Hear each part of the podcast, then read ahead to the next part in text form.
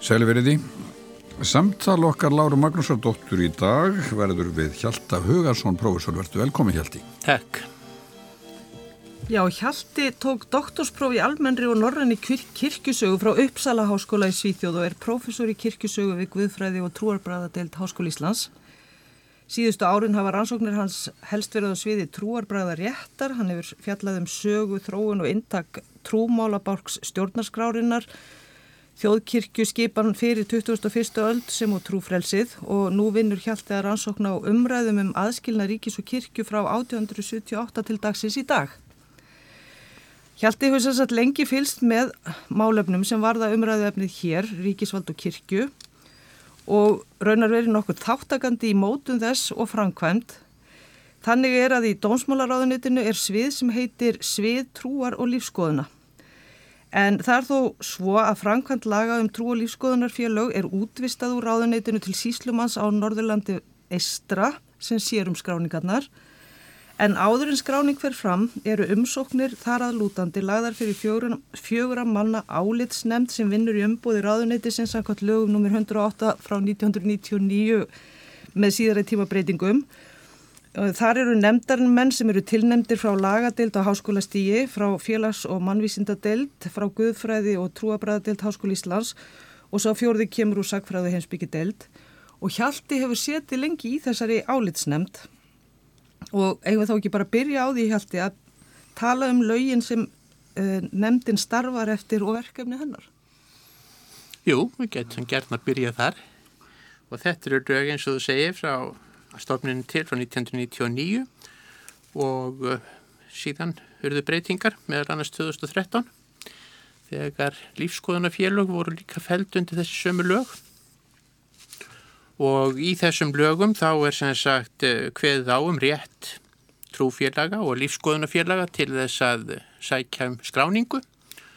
Og uh, þau félag sem öðurlast þessa skráningu fá ákveðin réttindi og uh, hugsunin og bakvið þetta allt saman er raunverulega að uh, gefa uh, trúfélögum að mismunandi toga og ásamt lífskoðunafélögum ja, nokkra hlutdeild í þeim gæðum sem í þjóðkirkjuskipanninni félast til dæmis eins og sóknargjöldum. Og eina ástæðan til þess að fyrir því að, að ríkisvaldið er að halda uppi skrá yfir trúfélög og, uh, og félaga í þeim er sem sagt að mynda nokkus konar grunn eða deili líkan til þess að borga út sóknargjöld eftir. Það er sem sagt hugsun á bakvið þessi lög. Og svo fáið þið umsóknir? Nemndin fær já umsóknir frá uh, núna síslumanninum á Siglufyrði og uh, okkar hlutverk er sem sagt að ganga á skuggum það að, að umsóknirnar uh, séu nægilega undir byggðar, það komi í, fram í þeim uh, allt það sem uh, hveðir áum í lögunum og, og við leggjum síðan svona mat á það hvort að við komandi félög fullnægi þeim efnis og formskilirðum sem lögin hveða áum og eftir að tveikum mælum með eða já, minnist þess nú ekki að við höfum mælt gegn skráningu trúfélags, heldur höfum við bent á að uh, það þurfu kannski viðbótar gögn eða það þurfu að sína skýrar fram á einhver ákveðin atriði.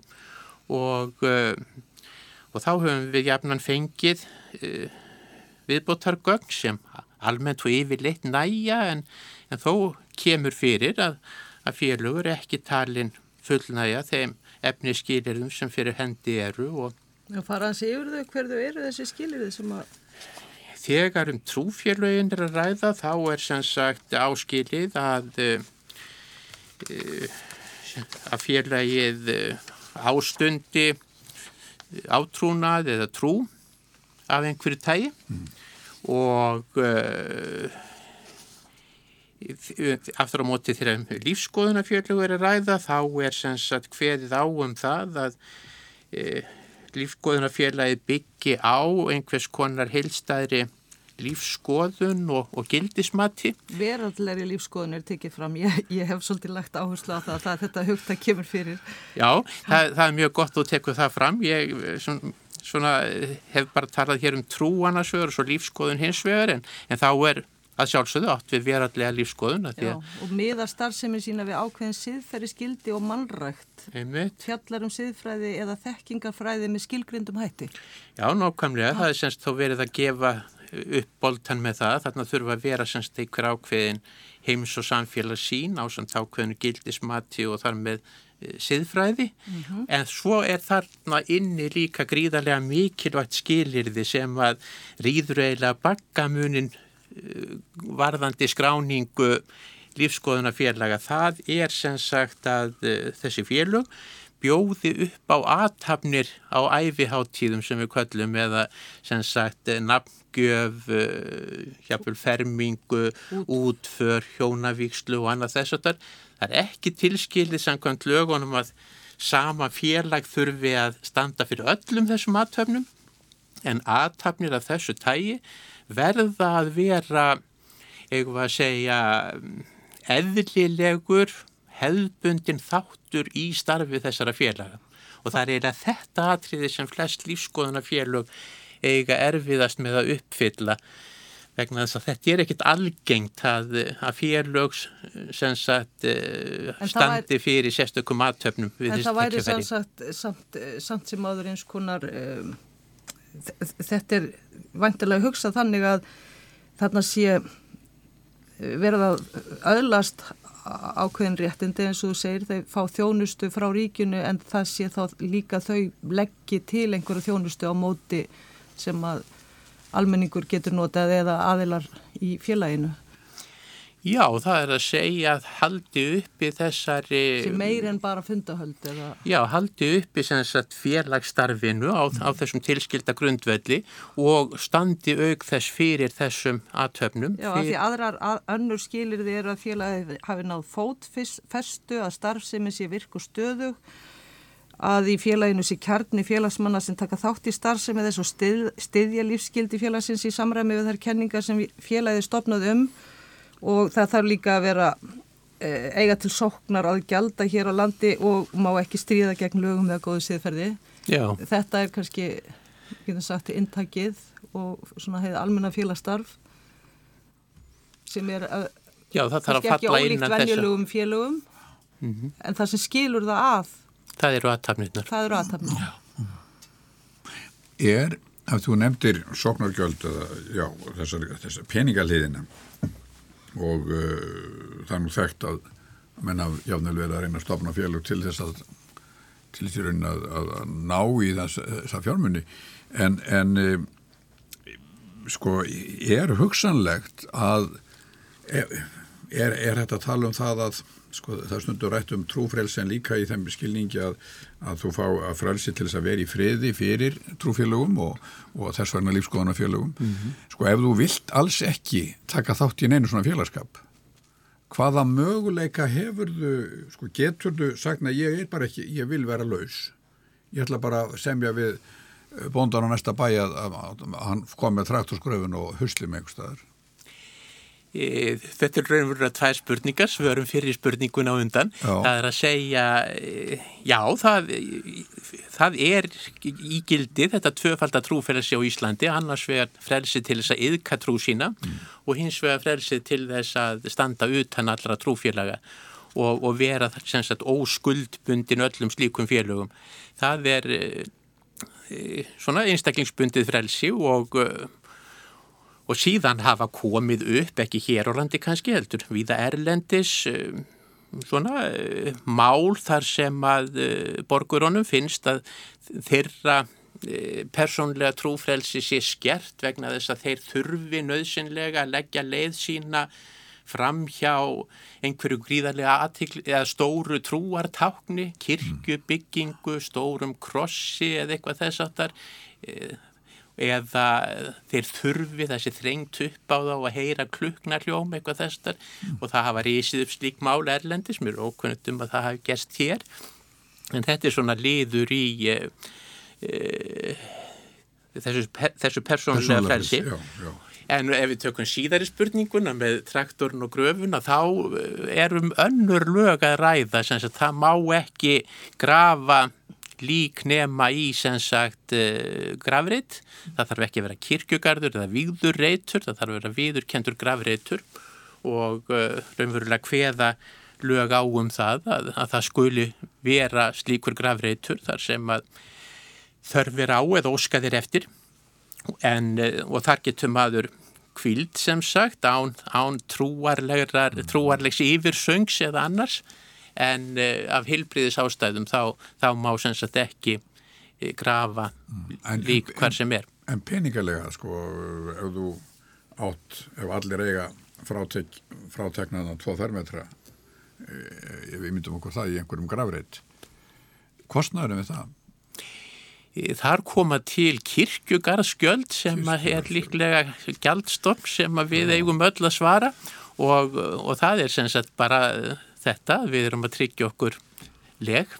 Það má kannski koma því að bara í þessu samengja því að þú ert að fyrir að tala þarna um, um, um gravreiti að helgi kirkjugarðar sem hefur nú verið aldrei til umræði núna undanfarið að, að svo helgi hún kvílir í raun og veru líka yfir heiðnum eða sagt, gravreiti sem er ekki sko það, það, svo helgi er ekki trúalegs eðlis nei, nei. hún kemur nei, til meðal annars af helbriðis ástæðum og, og hinum á þessum öðrum ástæðum þannig að svo helgi hún, hún helgar líka grafritina sem eru ekki mm. og svona rétt að nefna, í, fyrst erum að tala um þetta nefna þetta lík brennsluna að það Einmitt, má dreifa ösku allt svo á, á haf út og, mm -hmm.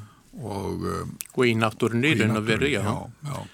En svo höldum okkur nú svona aðeins bara hérna áfram innan, innan þessar að tala um, um þessa nefnd og, og, og skilir þið fyrir hérna fyrir skráningu trúfélaga og, og trúfélag og þú varst að spurja ævar um, um hérna þá sem eru ekki trúaðir að ég er ekki hérna með splungun í tölur en ég býst ég að það hef nú ekki stór breyst síðan en stæstu eh, skráðu uh, liðirnir hjá, hjá þjóðskrá um um trúfélög þá er þjóðskirkja náttúrulega sko svo langsamlega stærsta það er ekkit samanburður hætt við nokkuð annað.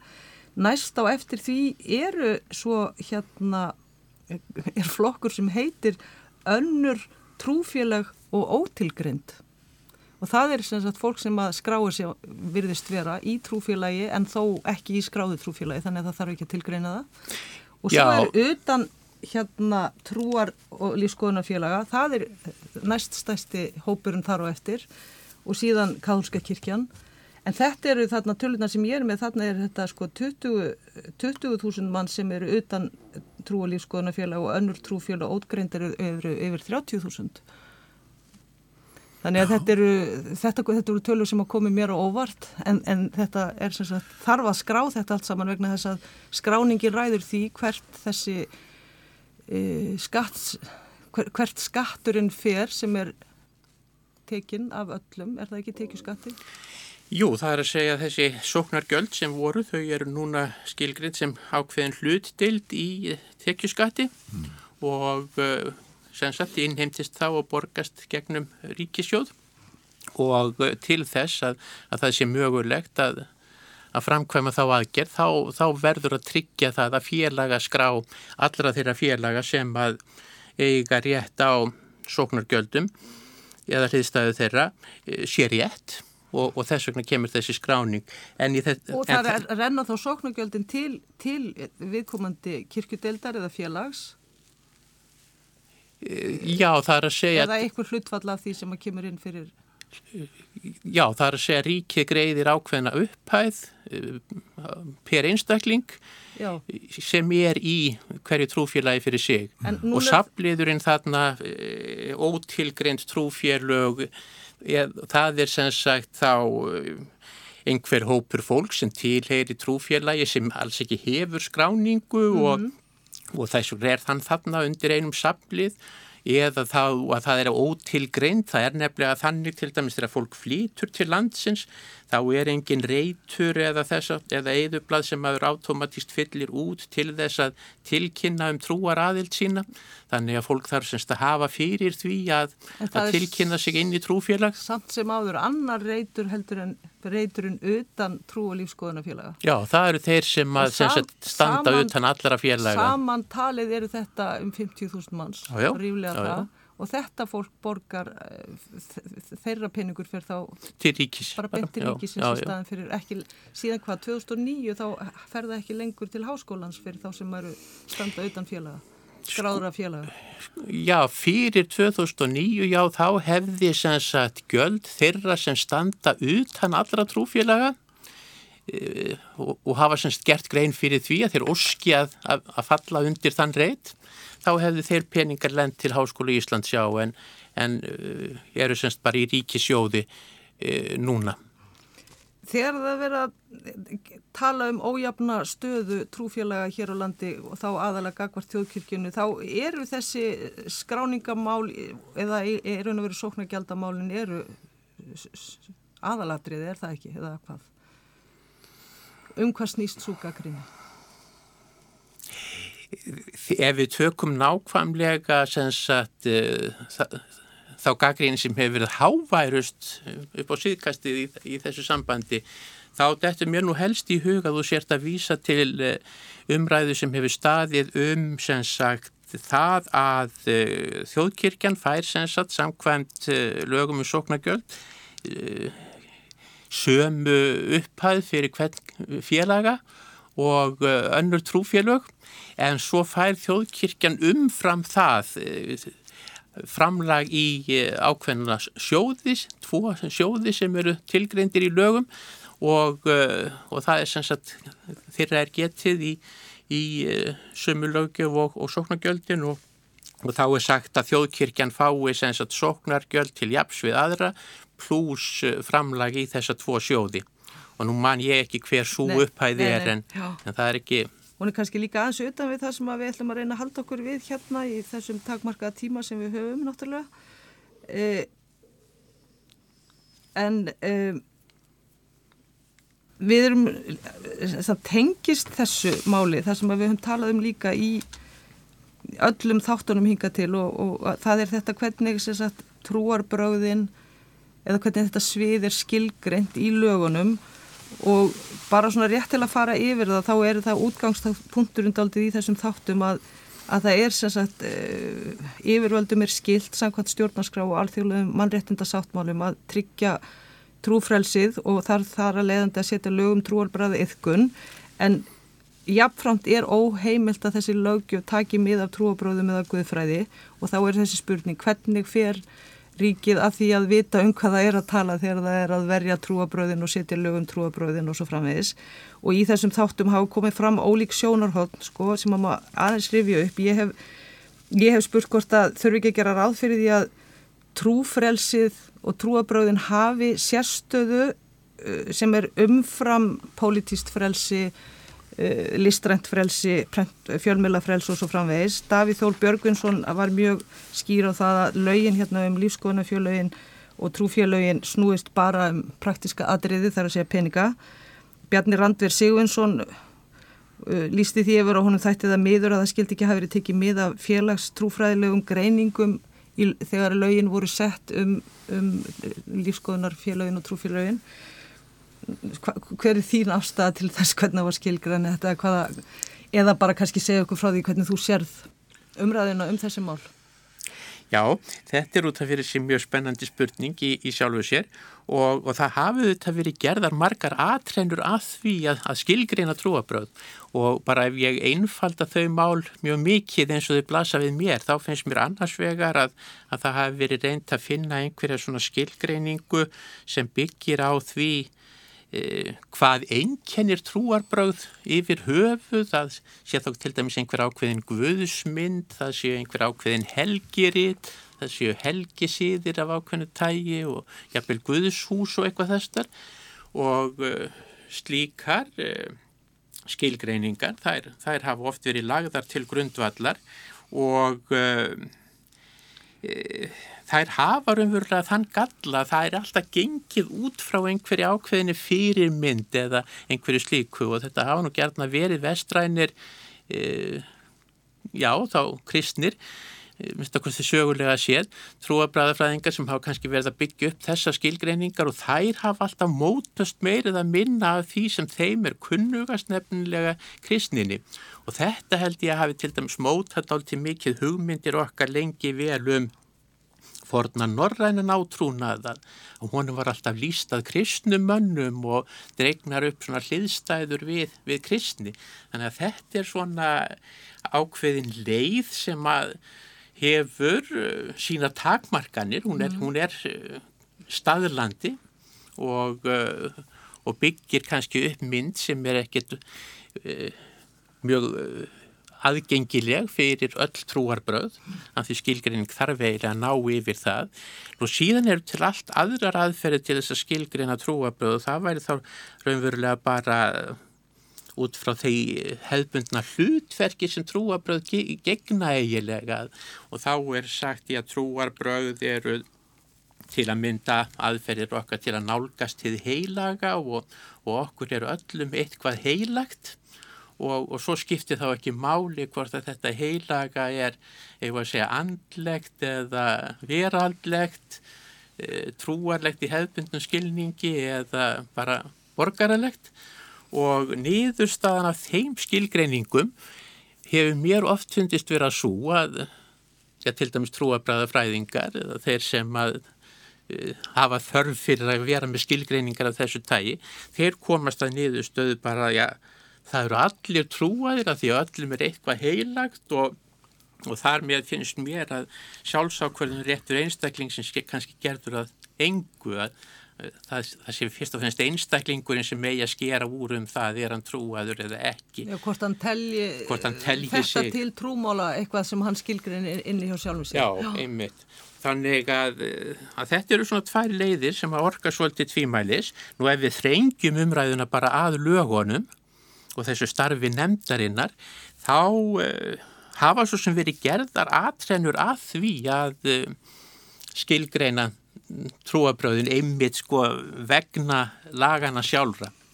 Og einhvern tíman satt nefnd sem að ætlaði sér raunverulega að setja einhvers konar skilgreining á trúabröðum inn í lögin. En uh, ég held að hafa nú ekki nást samstaða um það þá þetta er nú fyrir mína tíð í þessum geira þannig að ég get ekki sagt um það nákvæmlega. En ef ég man rétt þá var grein inni í lögunum þegar ég tók sæti í nefndinu upphaflega þar sem var farin hjáleið í staðin fyrir að skilgreina trúabröðin þá var talað um að trúfélög sem hefðu tengsl við einhver af hinnum þekktu trúabröðum heims þau skildu njóta þessa réttar og þar með eh, kom þessi mikla kvöð á nefndarmennina eiginlega að finna það út. Er þessi trúhópur sem er kannski nýr er hann með einhver viðurkend tengsl hérna við einhver eh, heimstrúarbröð og auðvitað er það nú kannski ósennlegt að hér rýsi upp á, á mjög verallegri 21. öll algjörlega ný trúarbröð og það sé ekki hægt að sína fram á þessi tengst. En hvað hefði nefndin gert ef hún hefði sest niður og farið að grafa í þetta? Hún hefði sagt, óneitanlega þurft að fara í einhvers konar intaksprófun á því standast trúarbröðin Þess, eða standast trúfélögin þessa kröfu og, og hugsanlega þá vegna einhvers intaks í trúar skoðunum sagt, já þetta er nú kannski trúfélag sem næstum því er kristið en er það nú bara ekki alveg, hefur ekki alveg nógu sterk tengsl. Og þá hefði nefndi kannski komist að þeirri niðurstöðu að, að það þýrti bara að mæla gegn skráningu. Og, þetta, og þarna held ég um leið og við færum einhvers konar skilgreiningu inn í þessi lög þá held ég að við neyðumst til þess að fara inn í einhvers konar segja efnislega aðtugun á trúar skoðunum fólks eða trúar hugmyndum og, og, og þar með erum við farin einhvern veginn að, að þrengja trúfrelsi þannig að, að ég held til dæmis að þessari nefnd er þið engin greiði gerður með því að koma með skilgreiningar Þetta verð ekki, ekki óskast aða fyrir þig, Príjóttur Personlega, að fara að, að rannsaka nákvæmlega tengsl við, til dæmis, ég segjum bara, tengsl, ásatrúin, ásatrúafélagið, hvað eru tengsli við önnu trúabröð? Já, þá hefur við... Eða við trúarbröði yfir höfu, þá, það er náttúrulega, eru, þau geta fært ákveðin röka því, ég menna það er, það er til rít sem að þau geta betta og svo framvegið, sko. En mér finnst alltaf áhugavert við þetta allt saman að að þrátt fyrir allt sko þá gerist það með breytingunni sem verður þarna eh, 2013 var það ekki þegar lífskoðunarfélagin koma inn Já, já, 2013 13, að þá, þá gerist það sem sagt að þessi eh, lög um trúfélög sem er bú, búið að vera heimilt að starfi á Íslandi mjög lengi alveg síðan á 19. öld þá, og það hefur einhvern veginn ekki vafist fyrir mönnum hvað er trúfélagi sjálfi sér en það er sett inn skilgreiningin eh, þessi lífskoðunarfélög er sett beint inn í lögin sem þýðir það að híðan í frá starfa lífskoðunarfélög nákvæmlega á sama grunni eins og trúfélögin, semst frá ríkinu séður engin munur. Það, mér, finnst það, mér finnst það að vera mikilvægt að það komi fram en það sem að mér finnst svona næstum því sko svolítið fyndið eiginlega er að með því að orða þetta svona að þau verða byggjast á veraldlegum lífskoðunum að þá er verið að staðfesta að hitt sé andlegt sem hafi aldrei verið tekið fram áður. Það er verið að nota andstæðunar sko andlegt og veraldlegt sem eru ymmit þessar fornu skilgreiningar sem að voru notaðar hérna ja, á öldum áður. Og, en þar með er líka búið að sagt, setja í laugin að það sé munur á veraldlegu og andlegu aftur sem var einhvern veginn óljósar á tímabili eða Og, en, en það sem mér skildist hérna þegar Davíð Þór var hérna til dæmis að þessi umræða sem þú varst að vísa til um skilgreininguna á trúabröðum sem fór ekki inn í lögin, lögin á, á, á sínum tíma hafi gengið meðal annars út á það að, að koma í veg fyrir svona grín og bull einhverju sem að þóttust, einhverju tveirgæðir sem þóttust trúa ljósastöra eða eitthvað í þá veruna. Opna uh, lögin um lífskoðunafélögu ásóliðis Nei, það held ég að þú gerir nú ekki í, sjálfu sér vegna þess að þó svo að, að uh, það sé ekki að finna skilgreiningu í lögunum þá er uh, þessi nend starfandi og hún er uh, samansett með tilnefningum frá fjórum háskóladildum sem sagt lagadeld, félags- og mannvísindadeld, heimsbyggi sagfræðideild og Guðfráð og trúabræðifræðideild þannig að það er eiginlega tryggt að að umsóknunum koma sem sagt lögfræðingur, trúabræðafræðingur nú eða Guðfræðingur e, heimsbyggingur eða siðfræðingur og e, svo félagsvístamadur, gerðan mannfræðingur. Og, e, og það er bara lagt í hendur þessara fjögur að sérfræðinga að, að komast að þeirri niðurstöðu hvort að þarna sé um raunverulegan átrúnað og, og trúar yðkunna ræða og, og ég held að þetta sé alveg eins fær leið eins og að vera með einhverja lögfræðilega skilgreiningu sem að hugsanlega myndi bara skip, skapa einhverjar óeðlega hlýðarverkanir eins og ég var að reyna að lýsa á þann. Þannig að með þessu er ekki opnað á neina hendistefnu, heldur er bara opnað á það að að hver og ein umsók fái sjálfstæða pröfun á sínum eigin forsendum og, og það sé ekki verið að bera þetta saman við neitt annað eða tengja öðru. En, en pröfunum er, er nú, væri nú ekki auðvelt að svifta félag skráningunni? Jú, það er alveg ákveðin fyrirmæli um það í lögunum í raun og veru að skráning er ekki veitt í eitt skipti fyrir öll heldur er hún uh, afturkræf, það er semst þetta fella skráningu úr gildi og í lögunum er semst hveðið á um það að e, félagin skuli skila skýrslu árlega og e, síðan ef það kemur í ljós í, í grund, á grundvelli þessara skýrsluna að, að félag fullnægi ekki lengur skildum sínum e, þá er hægt að vara félagið við og eh, ef það verður engin breyting á þá er hægt að fella skráninguna úr gildi og, og þetta er kannski atriði sem að uh, menn hafi ekkert veitt nægilega uh, mikla aðtikli í raun og veru að, að það væri kannski ástæða til þess að fylgjast betur með e, framkvæmdini á þessum lögum. Hver, hver fer yfir skíslutnar til dæmis? Já, það væri þá í þessu tilvík, eða eftir síðustu reglugjara breytinga þá væri það síslumar sem bætt á syklufyrði sem að stæði fyrir e, þeirri aðtugun og bara til að nefna dæmi sem er út af fyrir sig e, ekki neitt drastikst í sjálfuðu sér og reyndurlega kemur oft upp.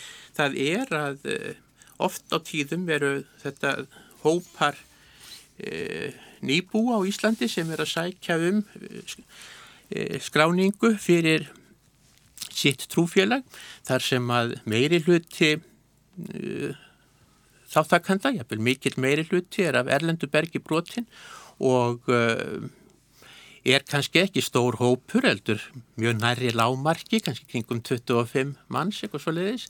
Síðan gerist það bara eftir 3-4-5 ár að, að stór hluti þessar fólk sé flutt úr landi og eftir er kannski ein fjölskylda sem að tilheyri þessu trúfélagi og, uh, og er þá raunverulega þá kannski að fá örli til sóknargjöld, það er að segja fyrir þá sem að eiga til sóknar að gælda á Íslandi eins og sagt er í lögunum og, og, það, og það er ekkert víst að það sé endilega hugsun og bakvið þessi lög og er það raunverulega alls ekki að, að svona fámennir hópar séu að njóta e, sóknargjalda.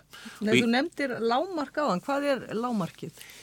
Já, lengi vel þá var nú ekki talað um neitt lámark, heldur bara gengið út frá því að, að sem sagt... E, það væri komin festa á starfsemi félagsins og síðan var þá þessi umsagnar nefnd eða álitsnefnd að skera úr um það hvað er eðlileg festa en, en síðan uh, 2004, er, nei, 2014 fyrir gefið þá er í gildi reglugjörð sem að uh, hveður á um það að, að það þurfa að vera 25 félagar í, í lífskoðunafélagi eða, uh, eða sem sagt trúfélagi til þess að öðlast skráningu. og ef að talan er komin mjög langt niður fyrir 25 þá væri kannski eðlilegt að skráningin er því kannski feld niður tímabundi það til félagatalan er komin upp í 25 aftur eða eitthvað í þá veru. Þetta er, bara sagt svona til umhugsunar, það er að segja öll lög þurfa að vera þannig að það sé hægt að fylgjast með því að þeir sem njóta einhverja réttinda eða gegna einhverjum skildum á grundvelli lagana þeir, þeir sé í raun að því. Þannig að það, lögin uh, leggja ágættan grunn að slíkum. Það er stundum ágætt þegar við erum að tala um, um lög og, og, og hverju, hvaða máli þau skipta að, að spyrja einfallega þarf einhver lög er, eru, eru lög um trú og eða lífskoðun eru þau nöðsynleg? Þetta er náttúrulega mjög spennandi spurning og uh, hefður spurt uh, mig fyrir uh, 25 árum eitthvað svoleiðist þessara spurningar þá uh, hefði svarið hugsanlega verið bara nei að, að, að þess þurfi ekki. Og uh, þá, var, þá á ég nú ekki við því að, að skoðinni mínir hafi grundvallratíðin breyst í þessu efni heldur var bara uh, staða trúar og trúar bregða í, í, í hinnum vestrana heimi og, og hér á landi að því við erum nú að tala um íslensk lög þá var hún slík að, svona áhrif trúabræðana voru minkandi og, og afhelgunin var svona í, í sókn og, og það var svona kannski útlitt fyrir það. Þetta er bara stöðugt meira hluti af engalífinu sem sem að þyrtu ekki lög um en síðan hefur náttúrulega bara ímislegt gerst. Það er að segja, uh, margir tala um það að, að trúabröðin hafi komið aftur eða snúið tilbaka. Þau séu fyrirferða meiri í dag heldur en uh, fyrir 20 árum og, og þess vegna þurfi einmitt einhvers konar lög, einhvers konar lagaramma utanum trú og trúariðkunn og, og annað þess aftur til þess að tryggja leikreglur, til þess að vernda rétt þeirra sem vilja yðka trú og til þess að vernda rétt þeirra sem vilja vera lausir við trúarlega áreiti mm. þannig að, að ég held nú að, að ég myndi svara þeirri spurningu játandi. Mm. Hitt er svo annað mál að, að það má velta því fyrir sér hversu umfangsmikil þarf þessi lögjöf að vera og er hún kannski allt of umfangsmikil hjá okkur í raun og veru myndu til dæmis næja að eh, hafa almennan vandaðan mannréttindakabla í stjórnarskráni og síðan eh, lögum mannréttindi svipað og eh, lögum mannréttindasáttmála Evrópu sem er ju hluti af íslenskum lögum. Og, og, og það væri kannski alveg nóg, við þýrtum kannski lítið af af sérlögum um, um trú og, og trúariðkunn en af því að við höfum nú verið að tala svona mikið um lögin um skráð trúfélög og lífskoðunarfélög þá taka þau mjög skýrt fram að það má stopna trúfélög í landinu án þess að skráðu og einn eða neitt nátt þannig að, að þetta er engin skilda til skráningar, þetta er bara tilbúð til þeirra félaga sem vilja sækja um skráningu og fá þar með hlutdelt í sóknargjöldunum þannig að, að ef einhvern veginn öðruvísi væri búið að fjárhag trú og lífskoðunar félaga þá, þá væri þessi lögi sjálfuð sér. Já, mér finnst það nú hafa komið fram hérna hjá okkur nokkrum sinnum í raun og veru að uh, þjóðkirkjan, þjóðkirkjuskipulagið hefur áhrif á það hvernig lögin eru sett um, um önnur trúfélög. Og, og þótt að það sé sagt, sama undirstaða allstaðar það sem er trúfrelsi sem eru þessi mannréttinda ákvæði um trúfrelsi og eh, þau séu sameigilega allstaðar að þá sé lögjöfin um, um trúfjölög í hverju landi hún hljóti alltaf að taka mið af sögunni eða af þeim aðstæðum sem eru uppi þegar að lögin eru sett hverju sinni. Já, ég er alveg sammálað því mati og, og telraunverulega sem sagt að uh, 1874 þegar eh, stjórnaskráin var sett upphálega þá hafi þjóðkirkjuskipanin verið sett nummer eitt eins og við sjáum bara í núgildandi stjórnaskrá hún er í 62. greininni meðan hveðir á um trúfrelsi í 63. og 64. greinum stjórnaskráninnar þannig að, að, að sökum þess að, að þjóðkirkju fyrirkomulagið er svona prímert eða nummer eitt í íslenski stjórnarskrá þá, þá leiðir eiginlega af því að auðvitað vegna jöfnuðar og, og trúfrelsis þá verðum við að tryggja sem flestum sem mest jafnrétti á við þjóðkirkjuna og þannig að, að ef að þjóðkirkjuskipanin væri ekki eins og með þeim hætti sem hún er í dag þá, þá mætti einfalda þessa lögjum mikið, það er alveg rétt. Já, og þetta varðar stopnun og félög en í raunveruleg ekki eiginlega trúfrelsi hversu eins. Það, það er einlega sagt, fljótandi bara yfir allt og á öllu sviðinu eða sagt, óháð, óháð öllu þessu. Þannig þetta er, þetta er alltaf snúið. Mér langar að spyrja þum eitt hérna eh, Mér langar að spyrja þum súista. Af því að nú er súista félagið bara yfirleist fyrir, ekki fara út í að ræða all þau vandkvæði sem hafi komið upp við það félag en, en upphaflega er þetta félag fær skráningu sem lífskoðunarfélag held ég frekar en trúfélag en hefur engin markmið önnur heldur en þau að, að þykja framlæði frá ríkinu og skila því aftur til þeirra sem eru aðilar í félaginu. Með hvaða hætti er hægt að tólka þetta sem lífskoðun uh, en ekki bara pólitísk markmið?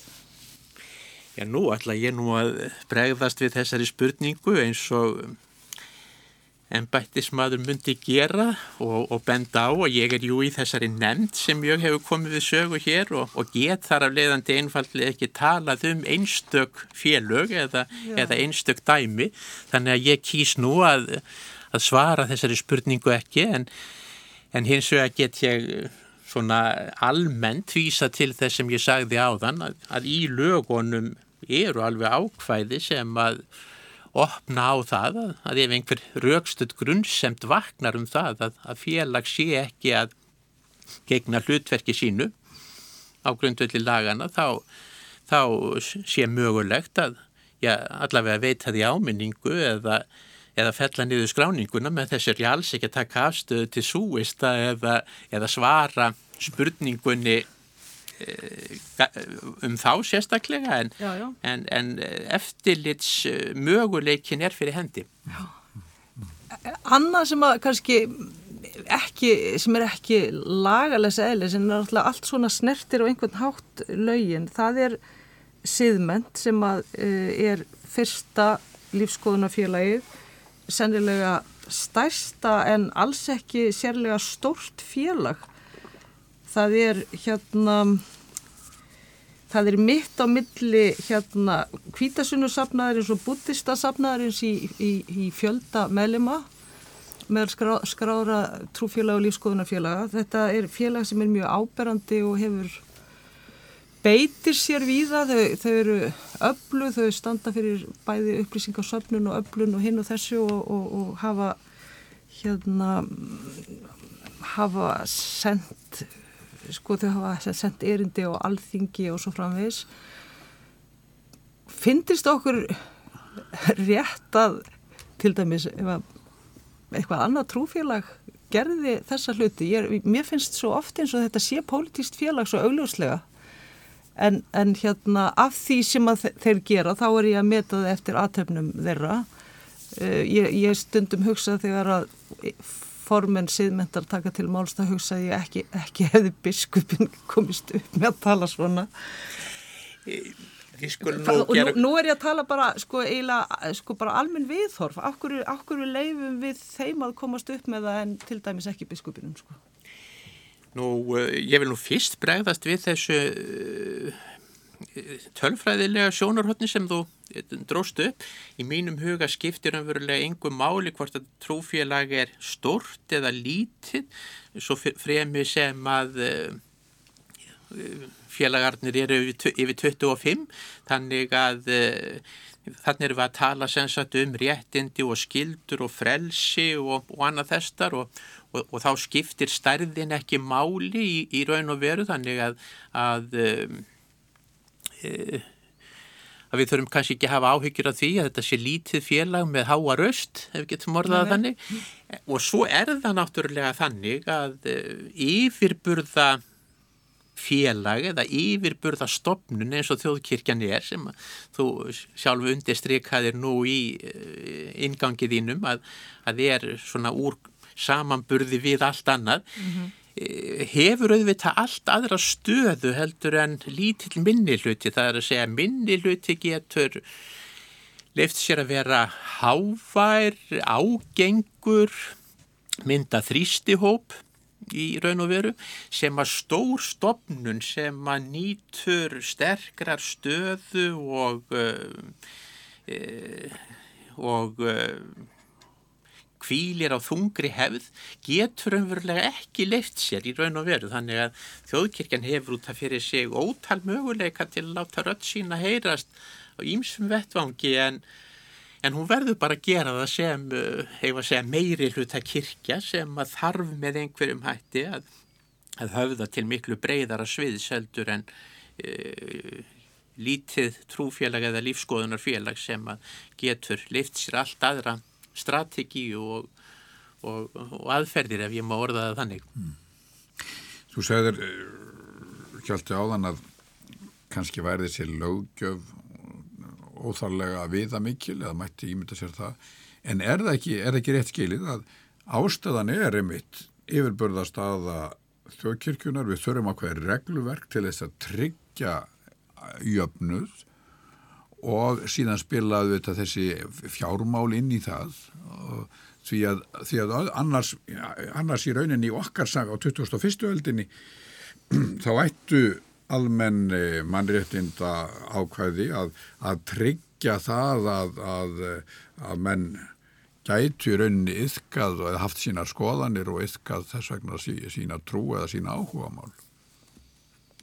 Er þetta, erum við ekki, sko, erum við kannski í, erum við núna kannski í log ákveðins tíma sem má segja kannski gróft séð að hafi byrjað 1874 en en er kannski að renna upp svo, svo uh, sko, er að renna upp kannski sá tími að, að það þurfi að, að það, já þurfi að það kannski þurfi ekki endilega breyta því en það gæti gæt alveg gerst. Ég hugsa að það sé nú út af fyrir sjálfi rétt að flestu leiti sko við verðum kannski að hafa það í huga að, að lögjöf er, verðum við ekki að skoða hana svona sem hluta af uh, hefð, menningu og sögu hvers samfélags þannig að hún er alltaf byggð öðrum þræði á, á svona einhverjum sjónarmiðum sem að eru kannski forn í vissum skilningi og þegar okkar trúmálaréttur var að mótast í lok 19. aldar, þá er það alveg ljóst og þá er sjónarhotnið sjónarhotn stopnananna og félagana, þá er semst verið að tryggja rétt áframhaldandi rétt lútersku kirkuna sem hafði jú verið hluti af ríkisvaldinu mm. í raun og veru og, og síðan annara trúfélaga eftir að trúfrelsi var, var innleitt.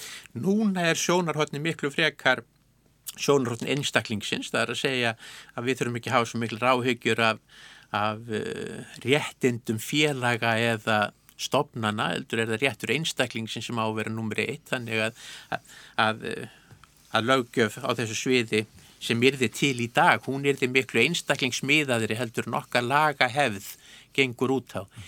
Og síðan er þetta bara þessi spennandi spurning, sko, hvenar er komin, eigum við að segja, rétti tíminn til þess að endur skoða þessa laga umgjörð í eh, grundvallaratriðum.